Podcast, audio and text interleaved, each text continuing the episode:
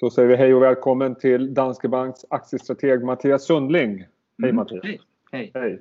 Hörde du, eh, ni har släppt en ny strategirapport här för några dagar sedan. Eh, Jag tänkte vi gör en liten tillbakablick. När du och jag pratades vid i april så räknade du med en snabb återhämtning. Och det får man väl ändå säga att vi har sett, inte minst på börsen. Är du förvånad eller det är du kanske inte då? Nej, det ska jag väl per definition inte vara då. Om det, om det blev ungefär som vi tänkte. Så i den meningen är jag inte förvånad så. Eh, men då ska jag lite nyansera det och säga att lite förvånad är jag ändå, och vi är ändå över att det gick så pass fort som det gjorde på börsen. Eh, vi hade en positiv börstid men eh, det blev ju väldigt mycket betalt väldigt, på en väldigt kort tid. Så faktum var att i mitten på juni så tänkte vi liksom att att eh, man kunde vara lite försiktigare. Så vi tog ner, eh, ska jag i rättvisans namn säga då, aktier som tillgångsslag till neutral. Så vi har varit med upp men inte så mycket som om vi hade varit överviktade så att säga. Så den sista uppstället där, från mitten av juni och sen fram tills, ja, för någon vecka sedan när vi kom här. Det har väl varit starkare än jag trodde. Och eh, det har ju givetvis varit väldigt mycket fokus på eh, penningpolitiken och delvis också finanspolitiken. Powell var ute igår och eh, kanske inte så jätteförvånande indikerade att räntorna kommer vara låga väldigt, väldigt länge. Mm. Eh, dina reaktioner på det och vad blir konsekvenserna av det? Det är lite icke-nyhet faktiskt det där. Och även i ett, ja, man tänker sig den förra recessionsförloppet då, den finanskrisen som avslutades sommaren 2009 så dröjde det faktiskt nästan sex år tills dess att Fed höjde. Så att de nu säger att det kommer att dröja till åtminstone till slutet på 2023, det är liksom eh, lite vardagsmat numera i den här världen som vi befinner oss i. Eh, eh, ja, vad ska jag börja någonstans? Alltså det länkar in i mycket det där för att eh, jag tror att eh, jag måste ta ett steg tillbaks och berätta lite grann hur vi har resonerat. Alltså, vi har, nu, vi har, nu har vi sedan någon vecka eller två tillbaks höjt aktieallokeringen igen då lite grann till en liten övervikt sådär. Och jag tror att där vi befinner oss i en återhämtning, eh, både på makro och på vinster, eh, så ska man nog vara liksom, positionerad i aktier. Det är svårt att argumentera för att man ska vara positionerad i obligationer härifrån. Mm. Eh, så den stora frågan är snarare liksom var i aktier man ska vara någonstans. Och det är just nu enligt vår uppfattning, och det är vi nog inte ensamma om, länkar väldigt mycket ihop med vad som händer på fixed income-marknaden. För om det är så att, kan, att om Powell kan leverera det som han nu sen Jackson Hole har sagt att han ska leverera. Ja. Och det menar jag då inflation på 2% inte bara på 2% utan över 2 Ja. För att kompensera för tidigare liksom, eh, missar då på undersidan. Så om han kan leverera det då ska vi ju rimligen ha ett litet uppställ i långa räntor, lite brantare yieldkurva och då kommer också med största säkerhet vi få en rotation inom aktier. Mm. Från growth som jag har dominerat väldigt mycket till value, det som kallas för value. Då.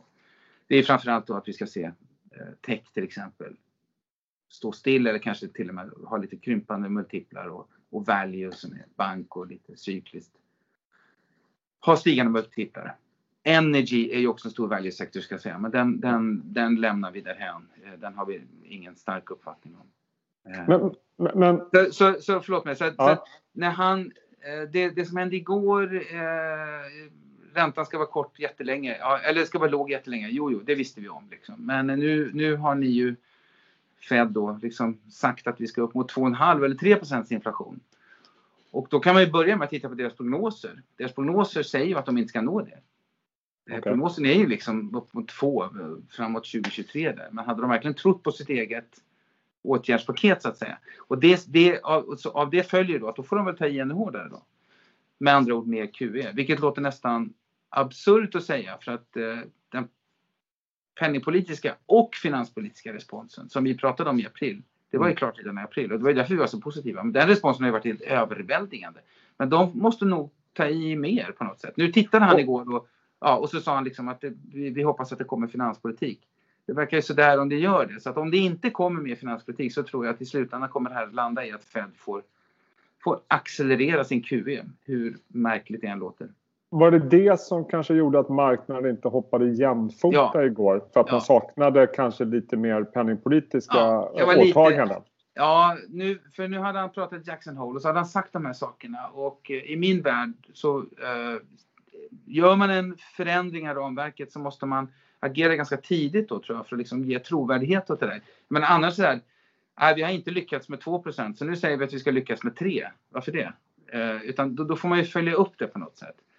Och eh, nu gjorde han, pratade om powerful guidance och sånt där, men ja, det räcker inte. Och det var nog det som marknaden sa. Det var inte någon jättebesvikelse, men det var inte någon det var inte någon chock å heller liksom. Men, Men kan man säga att eh, budskapet som ändå kommer eh, från eh, penningpolitiken att det kommer fortfarande vara det starkaste argumentet för att aktier kommer vara första valet eh, för investerare. Att det, som du själv sa, det är liksom, vem ska köpa obligationer i den här marknaden? Nej, men, ja, och det, det bygger ju... Det finns ju två sätt att se på det. Det ena sättet är ju bara att titta på Japan och så konstatera mm. att de har gjort ännu mer och har fortfarande ingen inflation. Jag menar, historien är full av folk som har förutspått att japanska statsobligationer ska brinna upp. Fast det har de inte gjort ännu mm. efter 25 år. Så det caset är inte hundra. Men vi har pratat ganska mycket om det och resonerat och funderat ganska mycket om det. Och ändå liksom kommit fram till att risk, i ett risk-reward-perspektiv jag menar, vänd på det och säg så här. Om vi inte får inflation nu, eller lite mer inflation, vi har ju inflation, men om vi inte får mer inflation nu när vi har liksom 20% budgetunderskott och 30-40% likviditetstillväxt. Ja, då, då vet vi ju om ett år eller två att då är vi ju ett fullskaligt Japan-scenario. Men om, men om man ändå tror att det fortfarande finns lite inflationsbenägenhet, i synnerhet i USA, så är ändå risk-reward den att eh, nog, nog ligger liksom risken eller sannolikheten på att räntan, långa räntan ska gå upp lite grann. För man kan ju notera det, sen, sen vi pratades vid då i april, mm. allting, vi har ju gått igenom en hel konjunkturcykel liksom på, på fyra månader och allting har ju fallit på plats för en mm. återhämtning. Först har du nedgången och sen har du policyresponsen och sen börjar det bottna ur så kommer återhämtningen och så ser du kreditspreadar har kommit ihop, aktier har gått jättebra, tillväxtaktier har gått jättebra. Eh, eh, guld har gått bra, inflationsförväntningarna har kommit upp. Men långa räntor har inte gått upp. Det är liksom den sista pusselbiten som inte har fallit på plats. Men, men är det då det som du var inne på som är er största huvudbry? Det är liksom spelet mellan tillväxt, eh, ja, value-aktier? Det, det, det, tror jag alla har. Ja, jo, så är det. Eh, eh, några sektorer ser eh, märkligt billiga ut. Som okay. En del bank, en del verkstad, eh, kanske energy, men, men det har inte jag någon stark uppfattning om. Eh, och growth ser obehagligt dyrt ut. Ja. Eh, men det är ju också då, det ska jag säga, det är också väldigt, väldigt spetsigt. Ja. Eh, det finns en uppfattning om att USA-börsen är så högt värderad och så, och det är den. Men vi har gjort en övning i den här rapporten när vi liksom tittar lite grann Låt oss säga att du gör den enkla övningen att du kollar på median P-tal istället för average. Då är liksom skillnaden inte så stora längre. Faktum är att ren tech i Europa handlas på ett högre median P-tal än amerikansk tech. Men amerikansk tech är ju liksom utspridd över tre sektorer. Communication services, consumer discretionary och tech. Så det är väldigt, väldigt spetsig uppgång och den är väldigt, väldigt eller ja, den är extrem. Premien på growth mot value liksom, är högre nu än kring millennieskiftet de här fem, sex bolagen står för 25 procent av S&P. Så det är en ganska tillspetsad situation. Så då har man det i den ena vågskålen och i den andra vågskålen har man då risken för att långa räntor ändå ska gå upp lite grann, vilket traditionellt sett gynnar värdeaktier, valueaktier. Så um, ja, i ett risk och vårdresonemang så, så är det de två sakerna som är de huvudsakliga parametrarna. Och ja, det, det är någonting vi tänker mycket på. Men eh, jag menar, vi handlar USA på P22. Så jag menar, eh, ja. diskussionen blir lite grann hur i all världen ska börsen kunna gå upp härifrån? Men jag tror alla famlar lite grann här vad som är någon slags jämviktsvärdering i ett läge när hela avkastningskurvan ligger på noll. Då. Det är, inte, det är inte ett självklart svar. Något annat som jag funderar på, det gör väl alla andra också, det är vi börjar närma oss Q3. Vi gick in i Q2 med extremt låga förväntningar skulle jag vilja påstå ja. och eh, som överträffades med råge. Min känsla nu det är, när jag pratar med förvaltare och analytiker, det är att de flesta rapporterar om att nej, men det går bra. Bolagen går bättre än vad de trodde att de skulle göra den här tiden. Finns det en risk att vi drar upp förväntningarna för mycket inför ett Q3? Eh, ja, det kanske det gör inför Q3 specifikt då. Eh, men om man tittar på 2020 i sin helhet Och så tar vi ett riktigt sånt där top-down perspektiv. Och så vi kollar på MSCI World eller, eller någonting i den stilen. Så kan man notera att där ligger förväntningarna på en EPS-tillväxt i år på minus 18 procent. Mm. Och eh, där vi är nu i cykeln. Det här är ett, ett, klassiskt läge där det är enda gången på ett decennium när analytikerna är för pessimistiska. Så att nu har liksom konjunkturcykeln bottnat ur, vi är på väg in i en mm. återhämtning. Och det klassiska mönstret då, då kan man gå tillbaka till 2009 och titta på hur det såg ut där sommaren 2009. Det klassiska mönstret är att här börjar plötsligt analytikerna höja sina estimat och den, där är vi inne i nu. Det är det vi har sett. I synnerhet i Norden. Eh, och det kan nog fortsätta lite grann till. Så det är möjligt att man är lite för liksom, positiv på Q3 men på helåret 20 så skulle jag nog faktiskt tro att vi ändå får se fortsatta upprevideringar. Ja. Och sen en ordentlig vinsttillväxt under 2021 då givetvis. Ja, naturligtvis då. Ja. ja. för då räknar vi med 20% ungefär mellan tummen och pekfingret på MSCI World och S&P då sådär. Sen är det lite nyanser. Jag menar på cykliskt i Norden då så tillkommer ju aspekterna av dollarn till exempel ja. som, som, som, kan stöka till det lite grann. Men, men ja, precis som du får en liksom väldigt stark rekyl på BNP eller andra aktivitetsmått så får du på vinster. Och låt mig bara illustrera det, för jag har kollat på det. Jag menar, det, det finns någon slags konsensusuppfattning att det här ska bli en trög och långsam återhämtning. Jag ser såna här, sådana citat från ett ekonomseminarium.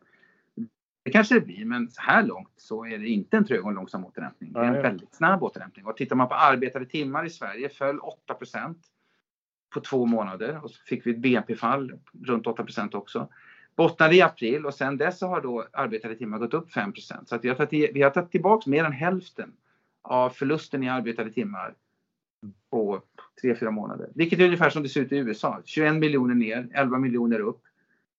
Så att eh, okej, okay, det kanske kommer att gå jättetrögt härifrån, men det är banne mig inte trögt så här långt. Jag måste fråga kort där om eh, dollarförsvagningen. Eh, mycket prat om det nu när vi går in i Q3, men Ja. I, I ärlighetens namn, kommer någon bry sig om det? Är det inte mer fokus på alltså, den underliggande återhämtningen?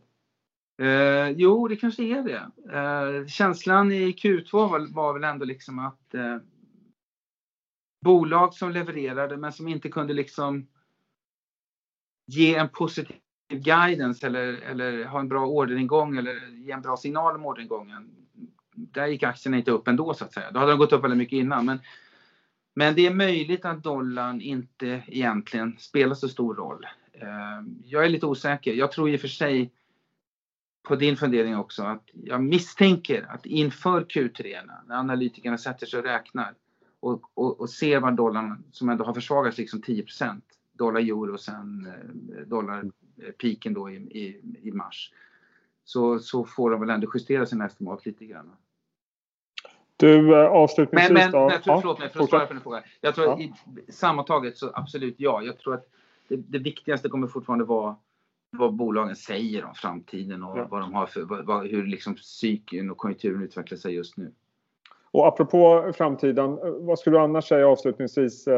Vad, vad ser du för annat börstema här eh, under resten av året och kanske början av nästa? Eh, ja, jag tror att den där inflation, ja. långa räntor, value mot growth, Fed, det, det, kommer att vara i fokus eh, under överskådlig tid faktiskt. För det blir en nyckelfaktor. Och sen i, i, i kölvattnet av det då, hur ska ECB agera? Ska de göra samma som Fed och sådär? Men sen har vi också vi har gjort en spaning nu som jag släppt nu på morgonen här till exempel. Vi har eh, försökt göra någon slags screening i hela vårt nordiska universum mm. över vilka bolag som skulle kunna överraska på utdelningen nästa år. Ja. Det finns ju två överraskningar. Den ena, den ena överraskningen kan man säga är sådana som vi ser nu då, nämligen att bolag som har sagt att men vi, det blir ingen utdelning 19. Att de ändrar sig och betalar ut en ut, utdelning för 19, alltså nu i år. Då. Uh, man kan ju till exempel göra som, jag tror att det var Husqvarna var som betalade tillbaka stödet. För annars har ju kravet varit, har man fått stöd i Sverige så ska man inte betala ut det kalenderåret så att säga. Så det är en överraskning som är möjlig. Jag tror vi, fick, vi pratade om det här innan, det var väl Sweco som kom? ja, jag tror att det var de som kom. Ja, ja, Så det, det är ju en möjlig överraskning. En annan möjlig överraskning är ju att det inte blir någon om det nu inte blir någon utbetalning i år, det är ju då att vi, ska vi få dubbla utdelningar nästa år? Eller ska vi få extra utdelningar? Eller ska vi få buybacks? Det är ju sättet som man gör det på i danska bolag till exempel. Så det, det tror jag att många kommer att fundera på och prata om. Inte minst till exempel i en sektor som bank då, där Nu har ju sannolikheten för utdelningar i år kommit ner markant. Men ska ja, Nordea, ska de betala dubbel utdelning nästa år då? Det, låter, det är inte alls osannolikt. Det kanske till och med är det mest sannolika. Och, och en hel del bolag kommer ju faktiskt nästan vara överkapitaliserade. Ja. Efter den här svängen. Ja, och kanske kan bli ytterligare lite stöd för aktiemarknaden då. Eh, ja, det tror jag. Mm. Det tror jag. Eh, kul att prata med dig igen Mattias. Mm, detsamma. Eh, spännande. Mm. du, eh, sköt om dig. Detsamma. Så hörs vi snart. Okej, okay. Okay. Hej.